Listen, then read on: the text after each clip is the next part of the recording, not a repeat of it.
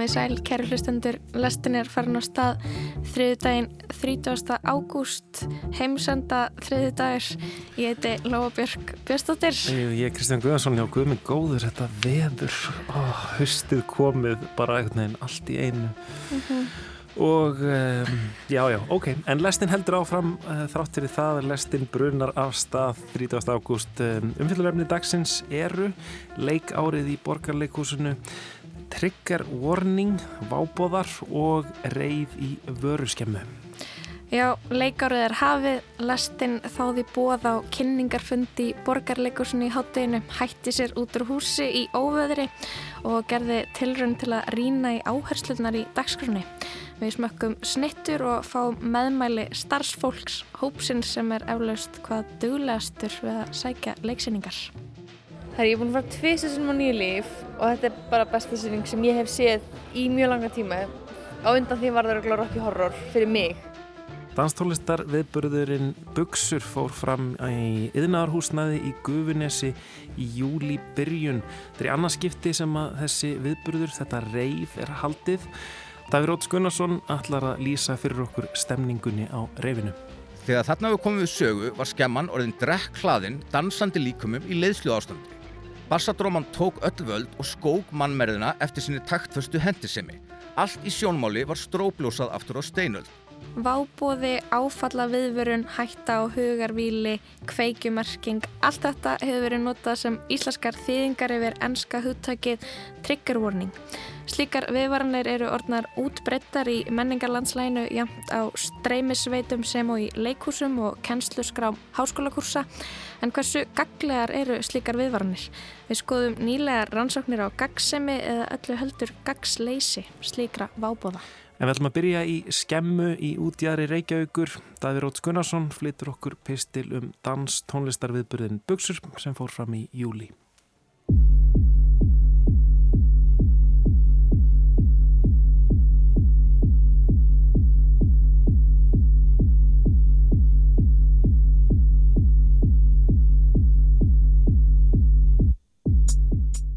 Ég geng niður brattar tröppur sem liggja að gamalli vöruskemmu í Gufunessi. Niðri fer ég um dyr og lendi í andri með afgrænsluborði. Ég segja á mér deili, fæ arband og limmiðar eru settar yfir báðar myndavillarnar á símanum mínum. Mér er vísað inn um þröngan niðdimann gang og heyri dempað sándið í dúndrandi bassatrómu í fjórum fjórðu fyrir innan og finnst ég vera í frjálsu falli ofin í kanonu í hólu allt um líkandi myrkurs, bassa og nöytnar. Stundir langar mann bara til að fara bang.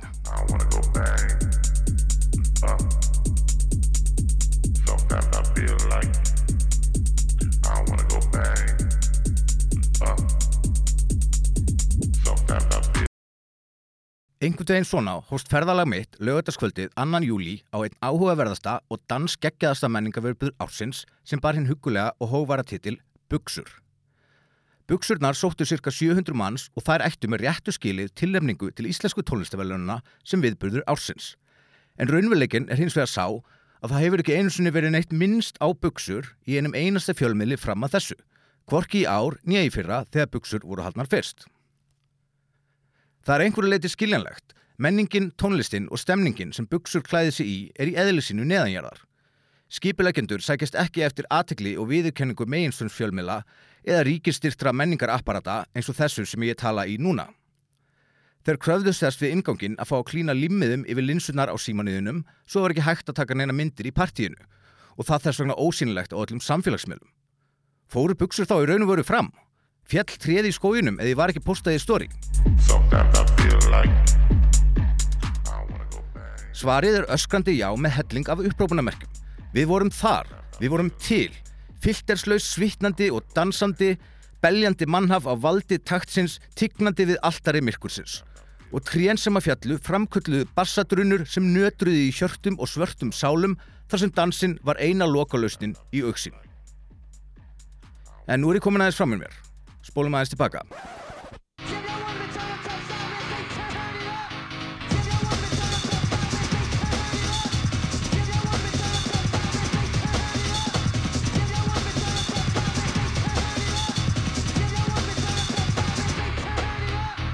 Það hefur eiginlega aldrei tekist að rekka alvöru næturklub á Íslandi.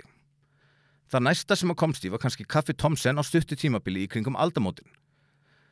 Buxur geta rakið rætur sínar til Bretland síðan nýjunda áratörins þegar Asset-hástefnan reyðum héruð, klúpa og reyfislna og allsalan var það eldsnætti í kraftmikilli dansmenningarbyltingu. Ráftónlistinn sprakk svo ennfrekar út í byrjun tíunda áratörins þegar reyfkúltúrin breyttist út á ugna hraða um Evrópu og Bandaríkin og náðu meiri sig að smittast yfir nokkur yðnaðarhúsnaði í Kópavói, eftir því sem ég er sagt.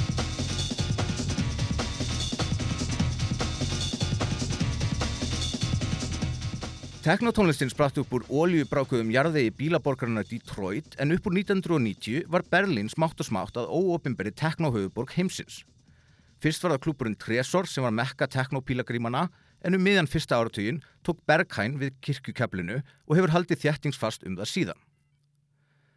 Bjarki Rúnar Sigursson er mitt fættur 1990 og byrjaði að semja tónlist sem úlingur og var uppgötvaður á rúsnesku DJ-dífunu Nínu Kravits snemma á þrítöksaldri. Hann gáð sína fyrstu tóltómu á vögum Tripp útgóðu nínu sumari 2015 en á henni var lægið sem hann er ennþá þekktastu fyrir, granítærði teknoslagurinn I Wanna Go Bang sem ég spilaði í upphafi Pistils.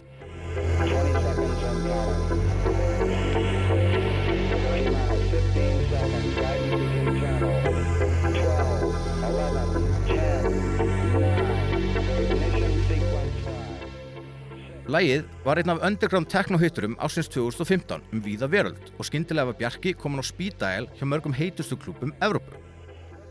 Hann held áfram að gefa á tónlist næstu ár, sumt meira í áttina að melodískri sveim og EDM tónlist Afex Twin, Otecker og Boards of Canada frekar en harkan 6 techno-inu sem hann meikaði það með. En Bjarki hefur búið í Berlín undanfærin ár þar sem hann og kreðsan í kringum hann hefur sökt sér í klúpa og partísinu borgarinnar og ég held að hugmyndis með buksum sé að reyna að flytja eitthvað að þeirri stemningu heim til móðurlandsins. Munurinn reynda sá að borgareifuvöld í Berlín bera virðingu fyrir klúbunum sínum, flokka þá á sama hátt með listasöfn og reyna að koma þeim á heimsýminaskrá UNESCO. Reykjavík þarf svo ekki meira en nokkra miðaldra nöldrara í hverfisgrúpu lögadalsins til að blása af heilu tónlistarháttíðina.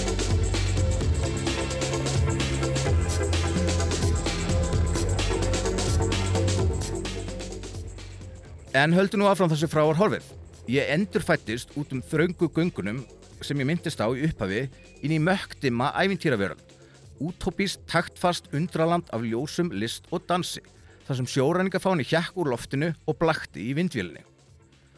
Mér leið eins langt frá grámiklugum íslensku veruleika og hægt var að komast. Þetta var snemma kvölds og ekki margir mættir en galdratnir voru strax farnir að hafa áhrif og ég sveif í leiðslu yfir danskólfið. Það verður ekki hjá því komis að kasta rísastóru hrósi á Óla Ófur sem hann hefði hljóð og ljósakjörfi skemmunar sem var á alltur um skala en maður á að venjast á íslenskum viðbyrðum. Tónlistinni var steinsteipu hart yðnaðar tekno sem fannst fyrir innvortis og það var ómögulegt að dansa ekki.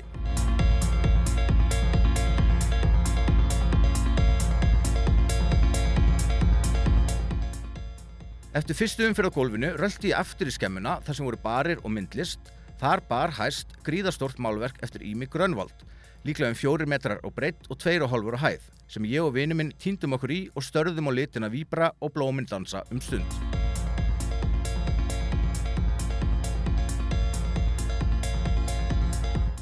Fyrir utan skemmuna voru grasballar sem mynduðu skjól og hægt var að leggjast í, stígar, bekkir, varðaldastæði og stórbrotið útsinni yfir faksaflóan. Sólinn var farin að krafsa í haflutin og ég starfiði beint inn í hana meðan ég lappaði út eftir eldgamalli bryggju þar sem lífulegt samfélag veiðimanna held sitt eigið parti og dróð sér björg í bú. Þetta var bara allt svo lekandi fallegt og ofsalega mikið. Meira sé að lúpinan glattu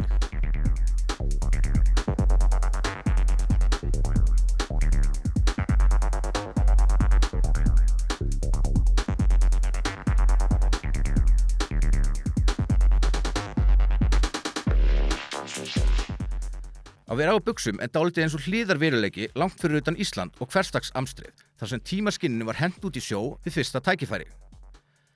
Í byrjun kvöld skiptist ég á að dansa í dimunu og spjalla og chilla fyrir utan en þegar klukkan var farin að nálgast miðnætti fórum við inn til að sjá tónlistamannin Wall Raptors sem var jafnframt einn af hápunktum næturinnar. Hann spilaði síru marinara æsingatónlist í mjög hröðum tempóum með ógrinniðað melodíum og flög með reyfið rakleiðis upp fyrir guðukvolvið og út í geim. Síðastir á svið voru svo æðsti presturinn Bjarki með teknodjáknan Árna Skjang sér við hlið. Það var eiginlega til kunst og rótpása áður en þeir demdu sér í fyrsta lagið sem allir eipiðu yfir um leið og það lendi.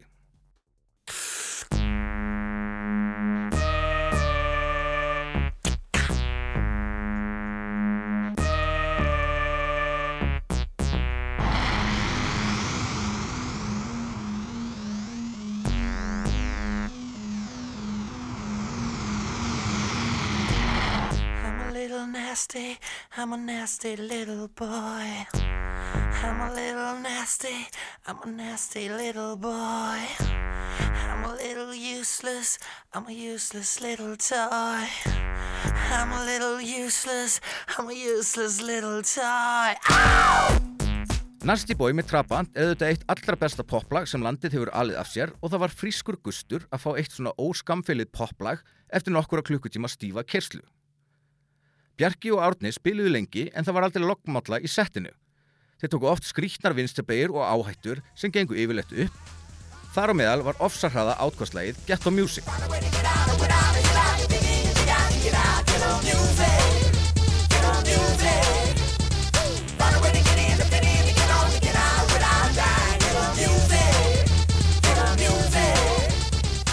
Þegar þarna við komum við sögu var skemman orðin drekk hlaðin dansandi líkumum í leiðslu ástandi.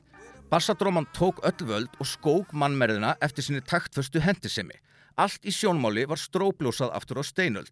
Nautnalegar sinnþalínur sittluðin um slímhúðir og bassi frá botni Kirrahafsins smög gegnum allar glufur samvitundanina.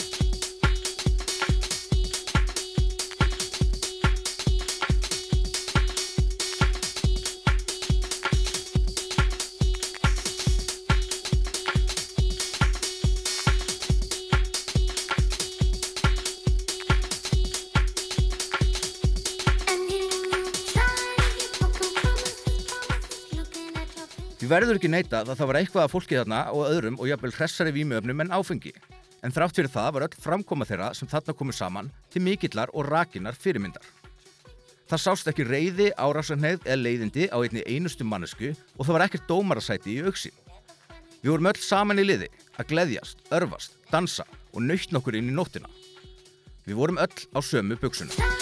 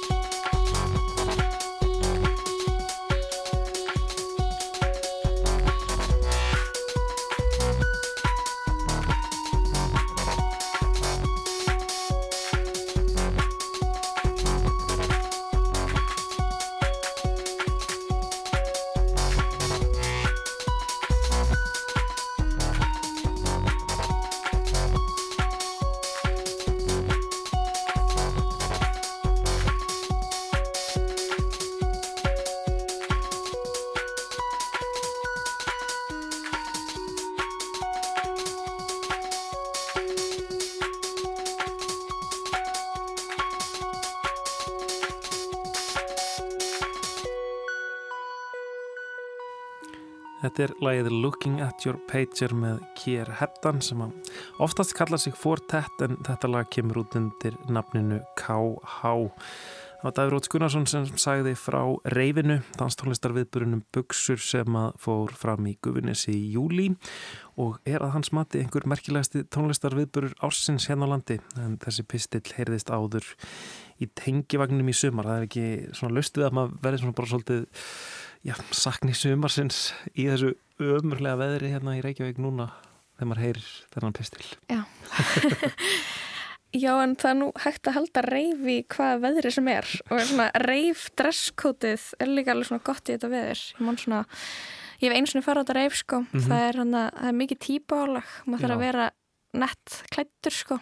Ég trúi því, en var fólk ekki svo líka svolítið svona samt út til berum himni, þetta er einhvern veginn að- gaman að, að vera úti alla nóttina Jú, fólk er mikið úti, það er ekki bara inni að dansa, það er, það er alveg rétt sko, þetta er kannski ekki alveg, þetta er ekki alveg best að vera fyrir eitthvað úti reif.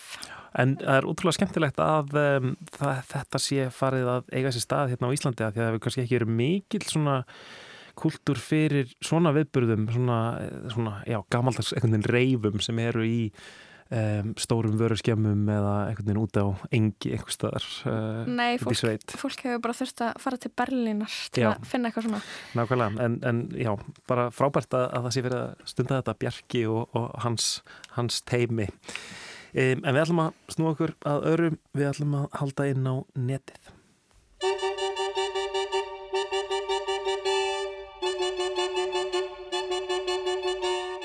Í gær þar sem ég skrollaði á milli rifrilda um karlmennsku kenningar Begga Ólafs, pælinga um andlát indjánans í hólunni í Amazonskójunum og enn fleiri gerfi grindar smíðara myndverka, þá rakst ég á Twitter þráð þar sem bandariskur fræðimæður lýsir niðurstöðum úr sálfræðiransóknum á kveikjumerkingum.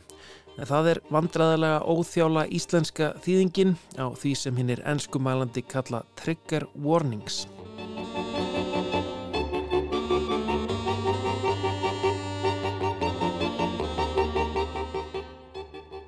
Slíkar viðvaranir byrjuðu uppálega að skjóta upp kollinum snemma á 2001. öldinni á feminískum vefsíðum.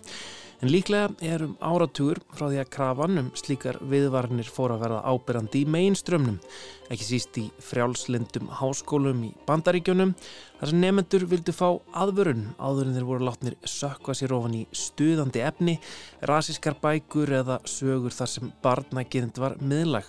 Já, trigger warnings eru sem sagt aðvarnir eða fyrirvarar á undan grófu menningarefni sem fjallar um eða sínir aðtapnir sem gætu vakið upp óþægilegar tilfinningar hjá áhorfanda stuðað viðkvæmar sálir, íft upp gömul sár fornarlampa ímiskonar ofbeldis, tryggjara þá og mynd á gömul áföll.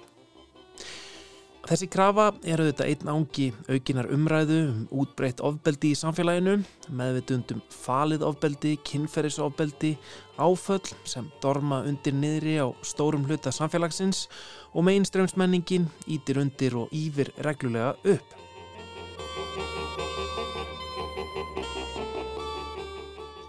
Það er auðvitað ekkert nýtt að fólk hafi áhyggjur af áhrifum menningarefnis á sálartettur viðkvæmra einstaklinga. Aðgengi að því sem hefur verið skilgreynd sem óæskilegt efni hefur víða í sögunni verið takmarkað þar sem viðkvæmum hópum eða jáfnvel öllum almenningi er hreinlega bannað að sjá það.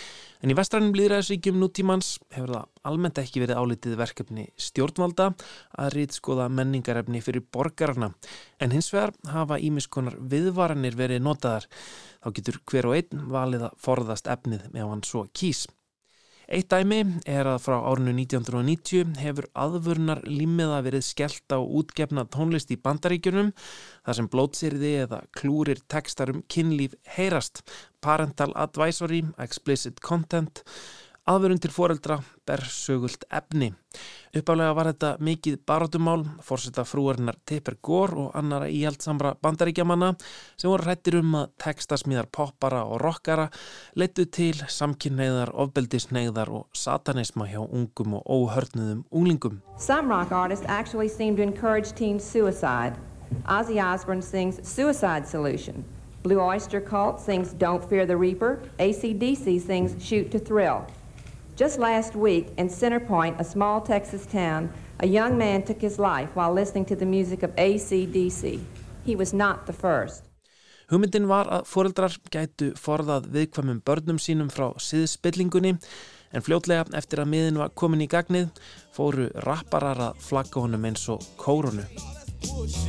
They like it stylistic, and I enchant the crowd like I'm a mystic.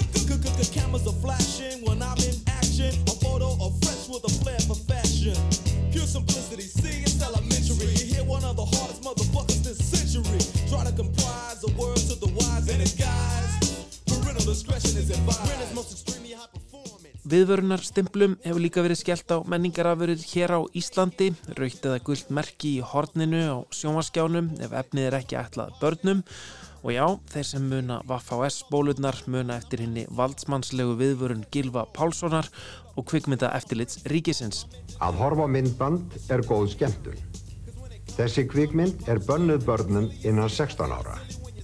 Foreldrar og forráðamenn barna og unglinga eru vinsamlega speðnir um að virða aldurstakmarkið.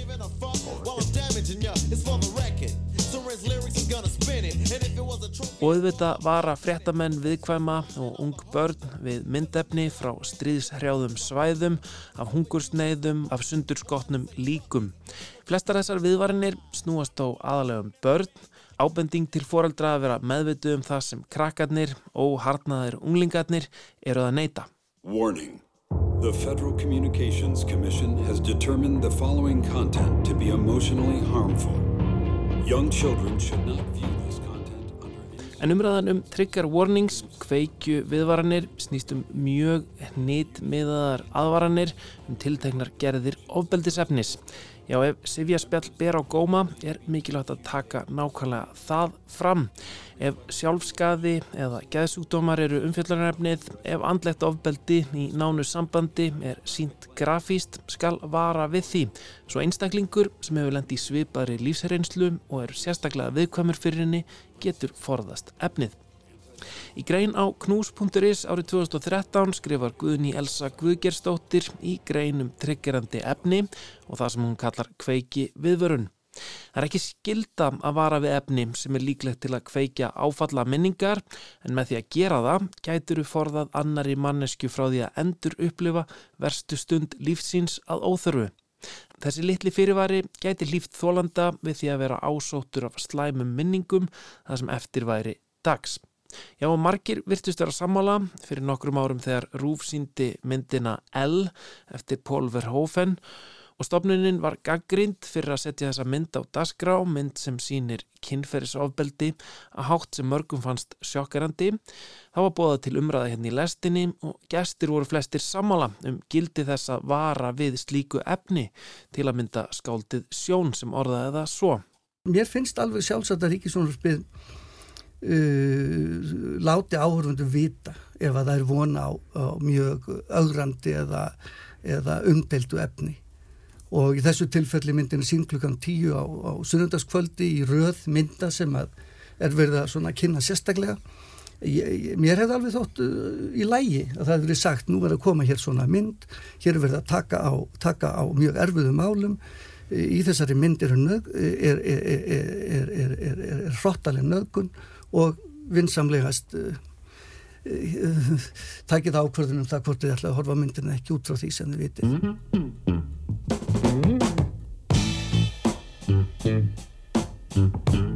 Þó það hafi verið nokkur mótstaða við þetta til að byrja með, þá virðist þessi aðferð til að vara viðkvæma áhærandur við vera orðin nokkuð útbreytt, ekki bara í bókmentakursum í frjálslundum háskólum í bandaríkjunum, heldur í bíómyndum, í leikhúsum, í hvers konar menningar stopnunum. Margar streymisveitur eru farnar að nota þetta, til að mynda hef ég tekið eftir því að Disney Plus varar jafnvel áhærandur við gömlu efni, this program is presented as originally created It may contain outdated cultural depictions. Já, þessi þáttur er hér á skjánum eins og hann var upphaflega síndur og hann gæti innihaldið úr sér gengna menningarlega fordóma. Samfélagsmiðlar eru líka nánast allir farnir að vara við tilteknu efni, til dæmis Twitter, þar sem ímiskunar efni er falið bak við þókukenda verndar hulu. Aðvörun gróft efni, höfundur þessa týsts hefur varað við því að efnið sé ekki fyrir viðkvæma. Og þá þarf ég, notandinn, að íta á hnapp til að komast að þessu varhugaverða efni. Í eitt augnablík virtust þessi trigger warnings kveikju merkingar verið eitt stærsta deilumálið í menningar stríðunum en svo veriðist sem að merkingar sinnar hafi einfallega sigrað.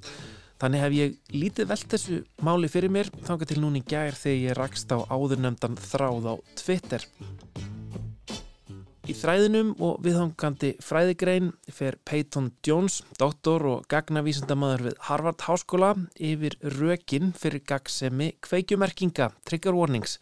Hann nefnir þrenn rök þeim til stuðnings og heldur því svo fram að samantekt á öllum þeim klínisku rannsóknum sem hafa verið gerðar á fyrirbærinu á undanförnum árum viðvaranirnar uppfylli einfallega ekki það hlutverk sem þeim er ætlað.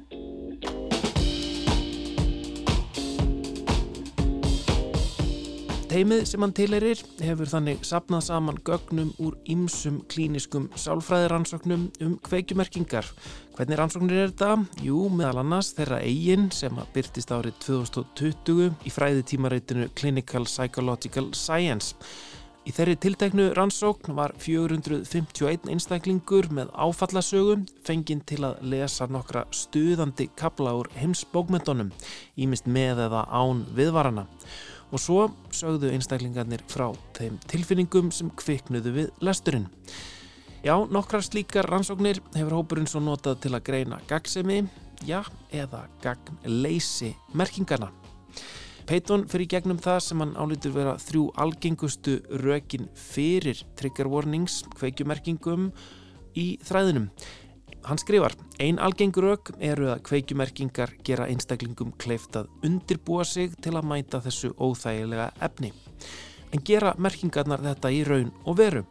Peyton segir nei, ef þetta er markmiðið þá eru þær gagslausar. Nánast allar rannsóknir sína sömu niðurstöðu, nánast engin áhrif, þar sem ekki er greinanlegur munur á viðbræði fólks við mögulegu stuðandi efni eftir því hvort það var varað við eður einn.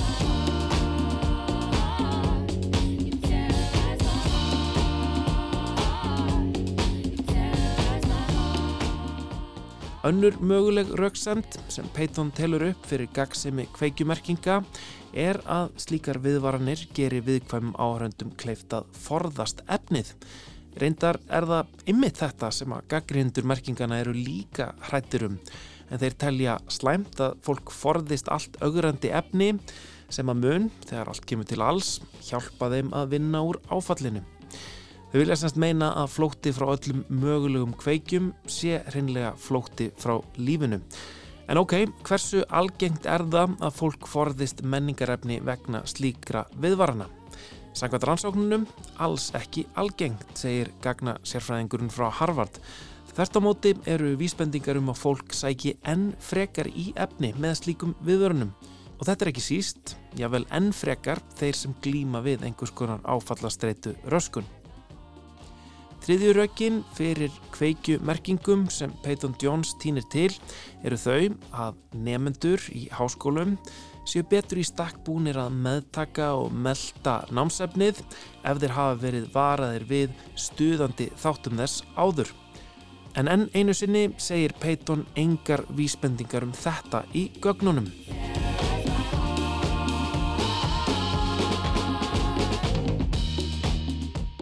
Það eina sem að kveikju merkingar virðast gera, sangkvæmt Peyton Jones og hans félögum, er að gera áhörfundur stressaðri millir þess sem þeir sjá aðvörunna og áður en triggerandi efnið byrtist á skjánum eða blaðsíðunni. Þannig að hann vil meina að kveikjumerkingar séu þegar allt kemur til alls tiltulega gagslausar og ef eitthvað er frekar skadlegar. Raunar segir hann á öðrum stað að vísbendingar séum það í rannsóknunum að áhrif kveikjumerkinga, trigger warnings, geti raun haft þau áhrif að fólk samsami sig enn meira með eigin áfallasögu sem hafi svo aftur slæm áhrif á áfalla streitu röskunna, aukna viðkvæmni fyrir áfalla kveikjum. En einhvern veginn gruna mig að þessar niðurstuður komi bara allt, allt of seint Já, fyrir andstæðinga trigger warnings, kveikju merkinga, þá sé þetta og þið afsækið orðbræðið. Ég var eitthvað við, það væri hægt að tólka þetta sem upphafningu á kynferðislegri áreitni. Þá er bara of sent í rassin gripið. Trigger warnings, kveikju merkingar, hafa undanförnum áratug, fest í sessi sem hluti á okkar menningar umhverfi.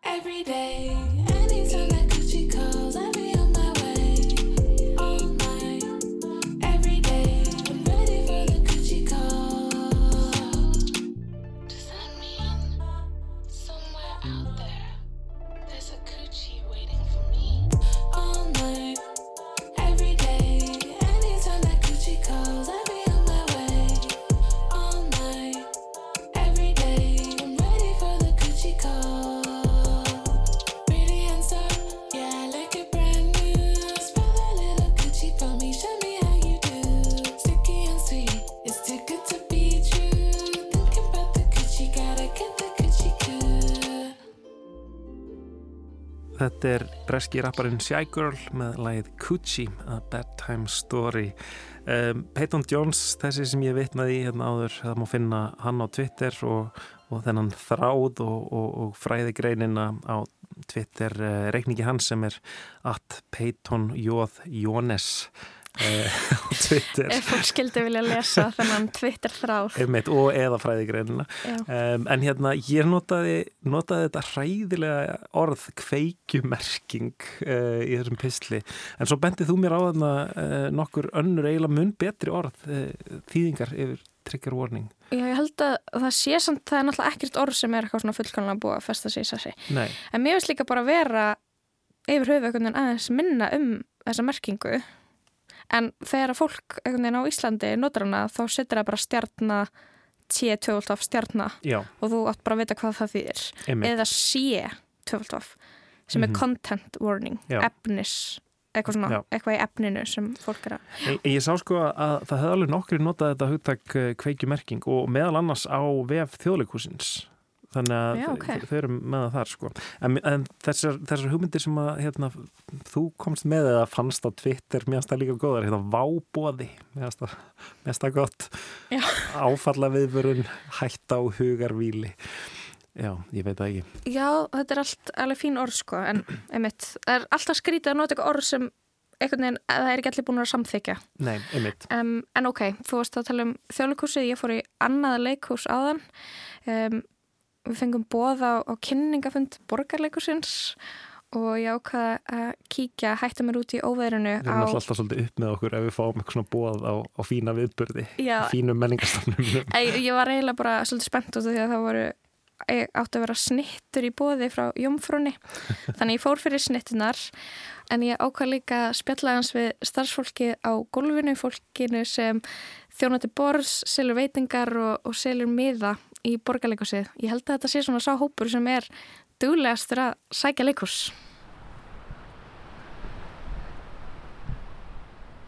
Ég er að lappa úr efstaleitinu yfir í kringluna til að fara á kynningafund borgarleikusins. Mm, Það er smá rigning og rók úti en uh, ég er svo spennt út því að það var lofa veitingum frá Jómfrúni þannig að ég er að leggjast það smá snemma til að fá góð, góð sæti. En já, svo þurfti ég, ég þurfti að fá lánan taupoka undir uh, mikrofónin og, og, og heyrnatólinn og var ekki neitt til um svona skerrauður taupoki mertur þjóðleikúsinu þannig að já, ég vonaði að taka ekki illa.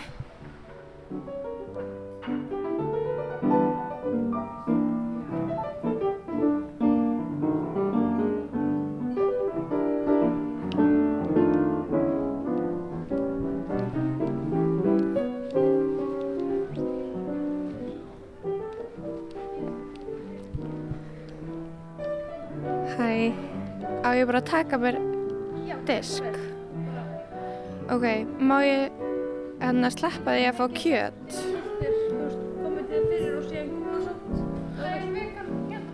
Ok, já, en ég, en ég borða alveg allt nema kjöt, þannig að...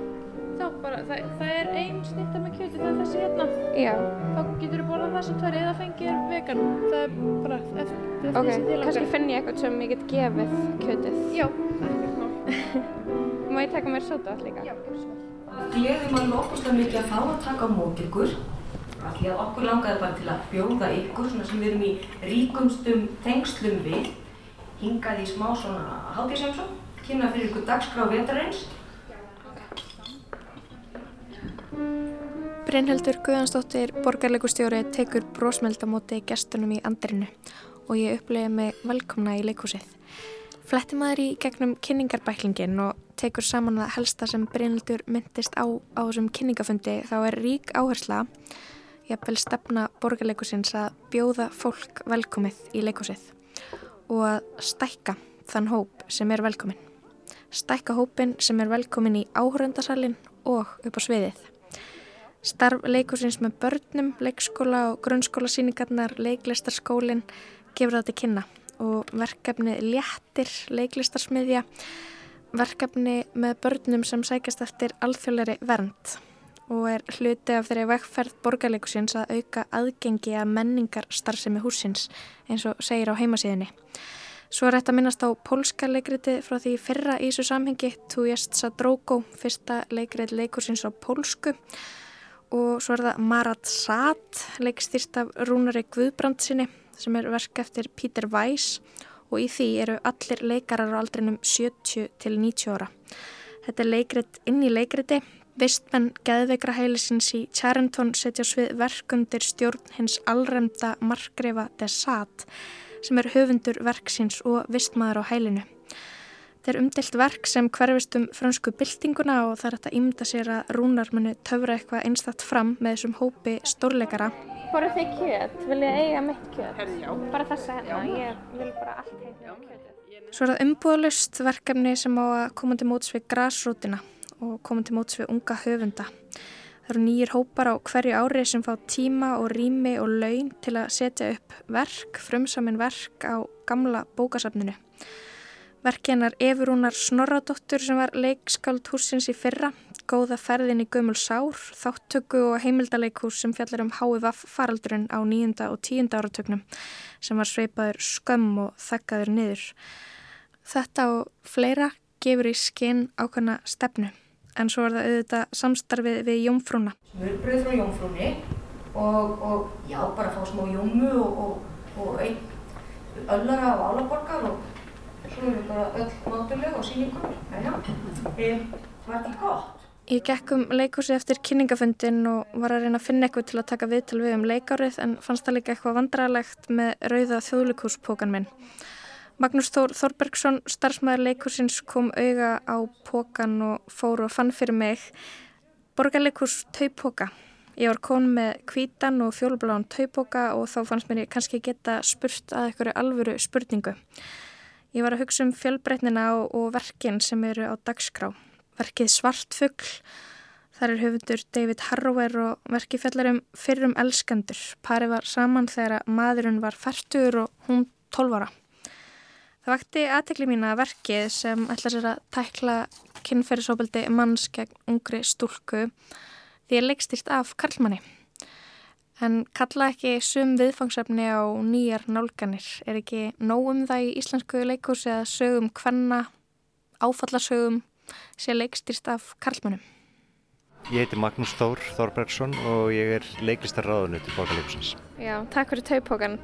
Ég ætla kannski bara að spyrja þig, ég er ekki að taka sko mörgu viðtöl, þannig að ég ætla að þjappa öllum pælingum saman í eina erfiða pælingu.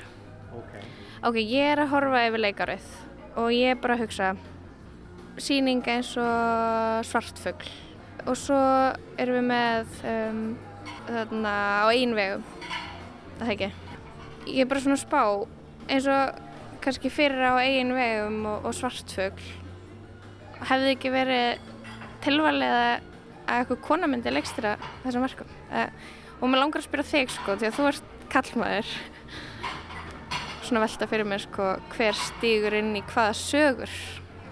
Þetta er alveg mjög góð spurning. Ég meina, e, þetta er alltaf eh, bæði spurning um það sko hvernig e, rödd viljum við fá inn í það verkefni sem að, hérna, erum að velja? Eins og svona saga eins og hérna á einn vegum eftir Kristján Steinstóttur sem er kona leikjar Marjón Klöru Lústóttur og Sörku Guðmundsdóttur, að það er kannski ágætt að fá kallrödd inn í þetta inn í þennan einleik konu uh, til þess aðeins að uh, svona snúa upp á það í rauninni eða fá aðeins annað sjónarhörn inn, inn í þetta líf þessarar sérstöku konu sem þarna er á ferðinni.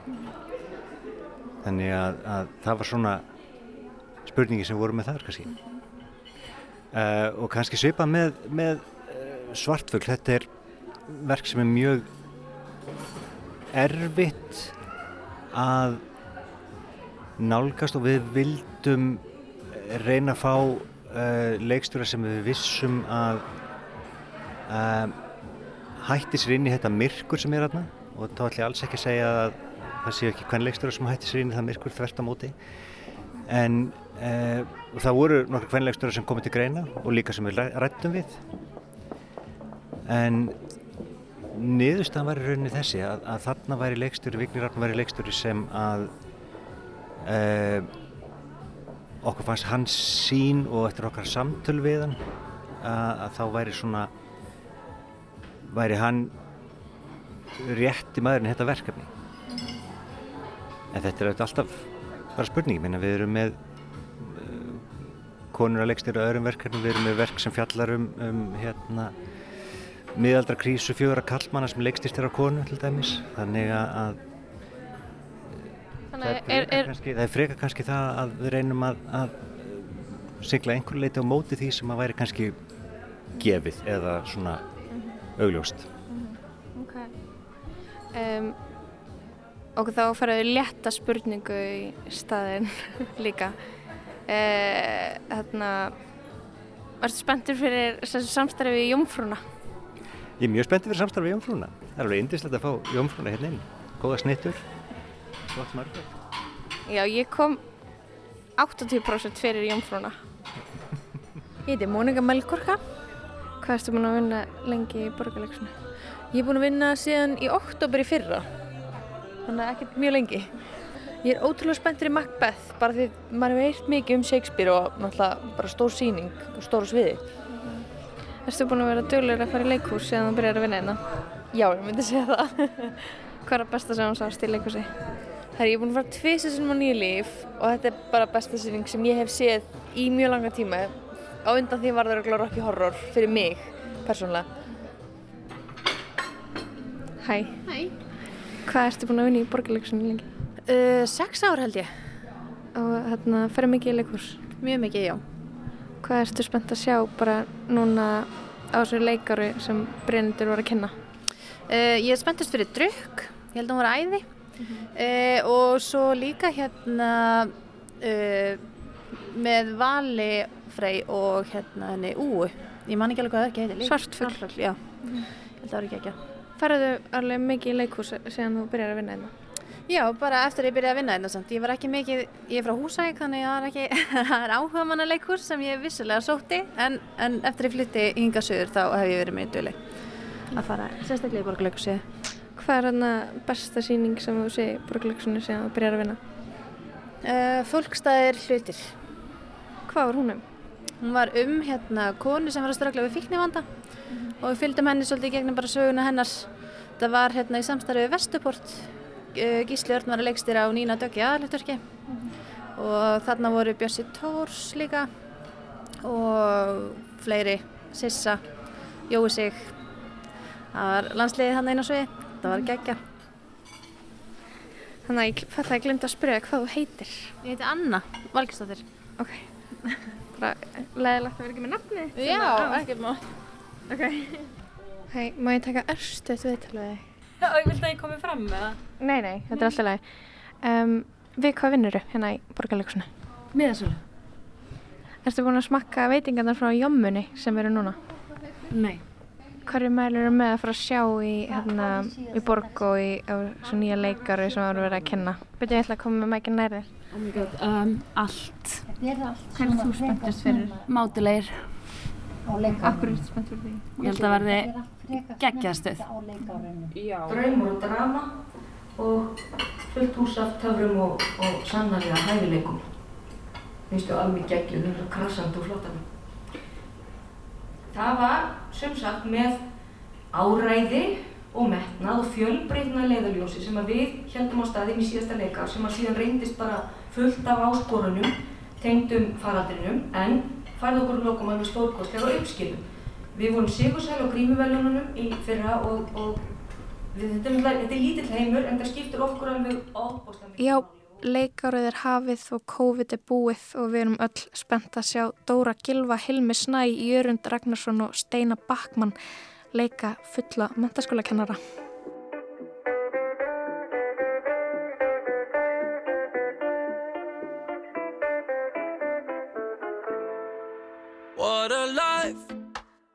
what a night, what a beautiful, beautiful ride. Don't know where I'm in five, but I'm young and alive. Fuck what they are saying, what a life. I am so thrilled. right now, cause I'm popping right now. Don't wanna worry about a thing. But it makes me terrified to be on the other side. How long before I go insane? I am so thrilled right now, cause I'm popping right now. Don't wanna worry about a thing. But it makes me terrified to be on the other side. How long before I go insane? What a life, what a night, what a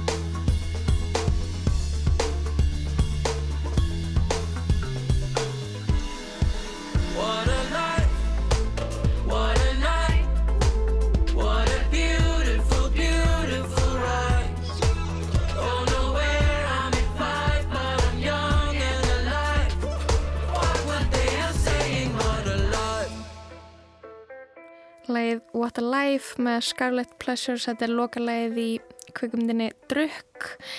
Eh, dönsku Óskarsvæluna myndinni eftir Tómas Vinterberg Já, vissir þú að Drukk verður sett upp í borgarleikursinu og það er frumsýnt bara núna í desember? Ég vissi það ekki þanga til í dag Og ertu ekki svolítið spenntur? Ég er mjög spenntur Hilmur Snær, Dóri Gilva, Jörgundur Ragnarsson og Þorsteinn Backmann verða fullir mentaskóla kennurar. Vá, það er fullkomið Já, það er mögulega heið fullkomna leikús. En já, um, við erum komin að leiðalokum í dag, er það ekki bara? Jú, því miður. Já, við erum búin að fara um viðan völl, við erum búin að heyra um uh, reif í Gufunesi sem að fór fram í sumar við talað um trigger warnings, vábóða eða kveikjumerkingar eða hvað við köllum það og heimsókn svo borgarleikusið, um, fín heimsókn þangað, uh, fínar snittur og, og... Frábæra snittur. en já, læstinni komin að leiðalokum, um, verðum við aftur á sama tíma á morgun. Ég heiti Kristján Guðjónsson. Ég heiti Lóbjörg Björstóttir og tæknumæður í dag var hún Lítja Gretarsdóttir. Verðið sæl.